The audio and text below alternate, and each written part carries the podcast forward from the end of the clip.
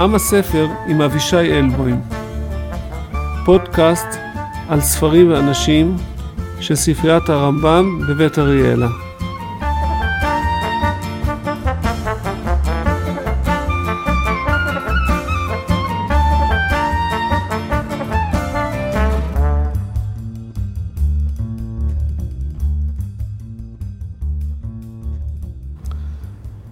שלום, ברוכים הבאים לפרק נוסף בפודקאסט עם הספר.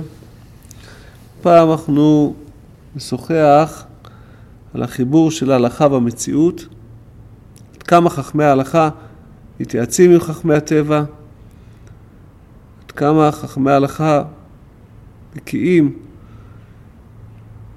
בחוכמות הטבע. אנחנו נעשה את זה בצורה מאוד מינורית, באמצעות סיפור על החגב שבא לעזרת הרב חיים קניאבסקי שליטה. הסיפור הזה, מצאתי אותו מסופר בשם הרבנית בת שבע קניאבסקי, אשתו הצדקת, שנפטרה לפני כמה שנים. היא הייתה נוכחת בשעת הסיפור, וכשמאספי הסיפורים אחר פטירתה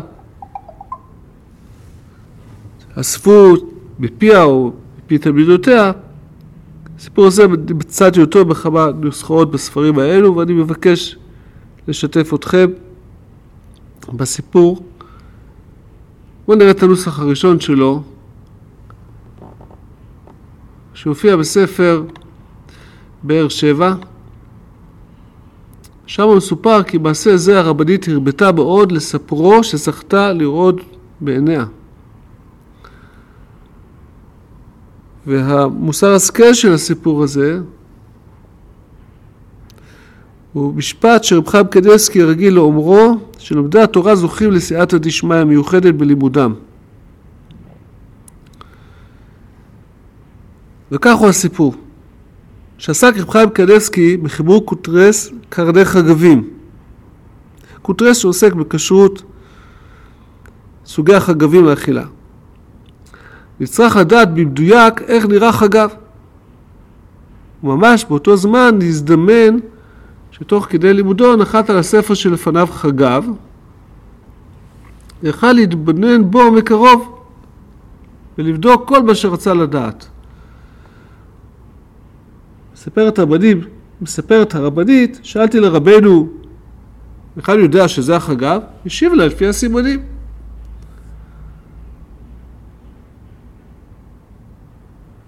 סוף סיפור.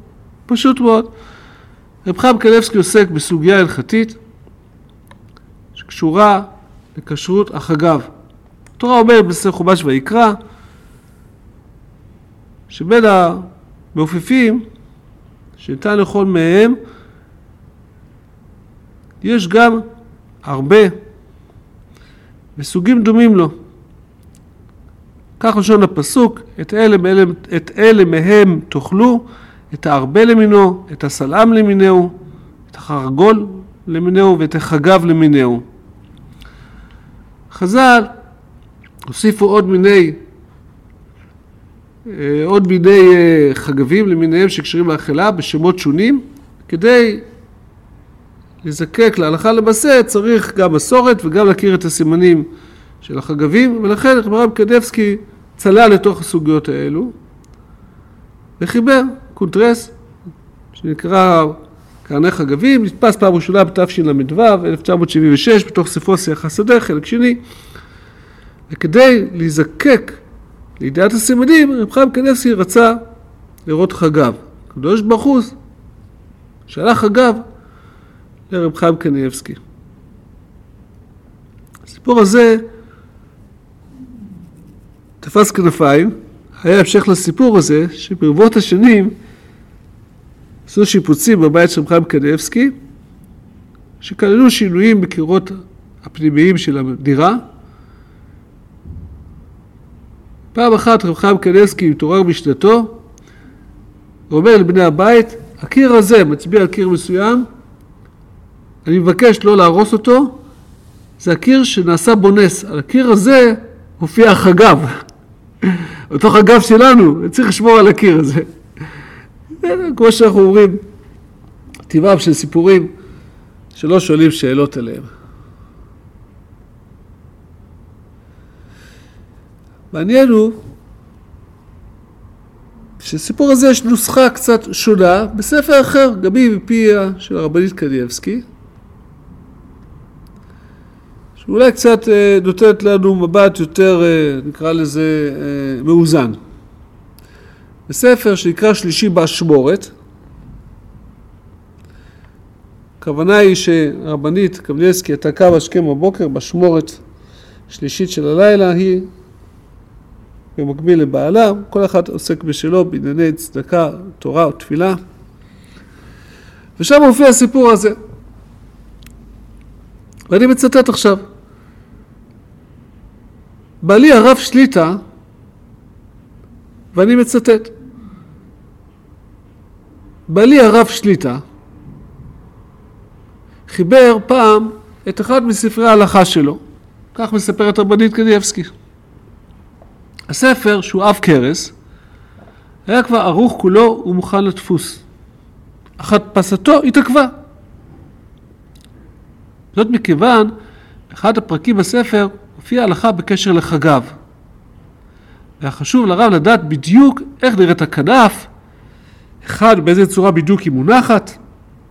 אך בעלי הרב שליטה לא ראה חגיו מימיו, לא ידע בדיוק כיצד נראים כנפיו. הוא ביקש ממני לדאוג שיחפשו בסמינר, סמינר בית יעקב, ששם קצת לומדים מדעים. אולי התמונה של חגב קיימת בספרי הטבע. חיפשו ולא מצאו משהו שיעזור לו. רב שליטה הצטער מאוד על כך, כיוון שידיעת ההלכה חייבת להיות שלמה ומדויקת. ובלי את החגב, הוא לא יוכל להדפיס את הספר עם ההלכה הזאת. הנה בסעודת שבת נוחת לפניו בדיוק, אל מול פניו. והנה בסעודת שבת נוחת לפתע, בדיוק אל מול פניו, לא פחות ולא יותר, חגב. הרב התבונן על החגב, בחן את כל מה שהיה צריך לראות, ואז אמר, עכשיו אני יודע את כל מה שברצוני היה לדעת בקשר להלכה. רק סיים הרב שליטה את דבריו, ותכף עף החגב ונעלם. סוף ציטוט. הפלא ופלא. שלב ראשון, רב חיים קלסקי מבקש לחפש בספרי המדע, בספרי הטבע. כמה שידעו מגעת. שלח שליחים לחפש בספריית הסמינר. וכשלא מצאו בדיוק מה שהוא צריך, את הזווית, את התמונה, בדיוק איכשהו בפותרות צריך, אז הוא פנה לסייעתא דשמיא, ואז הגיע חגב באמצע סעודת שבת, לא כתוב אם זה היה על קיר או על השולחן, רב חיים קלבסקי מסתכל עליו, והחגב אף נעלם אחרי שהוא גומר את שליחותו כאן. גם ממד של טבע, גם ממד של סייעתא דשמיא.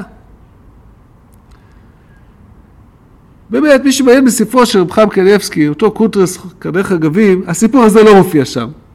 הפלא ופלא, אבל יש שם בהחלט ציטטות שרב חיים קניאבסקי מסתמך על חכמי הטבע. הזכרנו את הצרצר או לא הזכרנו את הצרצר, שגם הוא, מוקדש לו פרק בספר הזה, אולי דרך אגב, החגב שהיה, הוא היה צרצר, אינני יודע. ושם כותב חיים קדבסקי, שאלתי לבעלי הטבע על צורתו של הצרצר. במקום אחר הוא כותב, וכן העידו לי בשם ספרי הטבע. כלומר, דבר פשוט, שבממשק בין הלכה ומציאות, ראוי להסתמך על חכמי הטבע, שזו מלאכתם ואומנותם. אמנם, במקום שישנה סתירה בין חכמי טבע לחכמי התורה, במקום שחכמי חז"ל ראו מציאות אחרת, אז אנחנו נכנסים לסוגיה בפני עצמה, איך אנחנו מיישבים את הסתירה בין חכמי הטבע לחכמי התורה, וחלילה לנו להקל ראש בדבר הזה. נסיים ונאמר שהחגב של רב חיים קניבסקי היה חגב אמיתי. מי ייתן ולומדי התורה יתעסקו בדברים אמיתיים, יעברו דברים לאורה של תורה והלכה, ונזכה שההלכה והמציאות יהיו תואמים זה לזה. עד כאן להפעם, נתראות בפרק חדש. שלום שלום.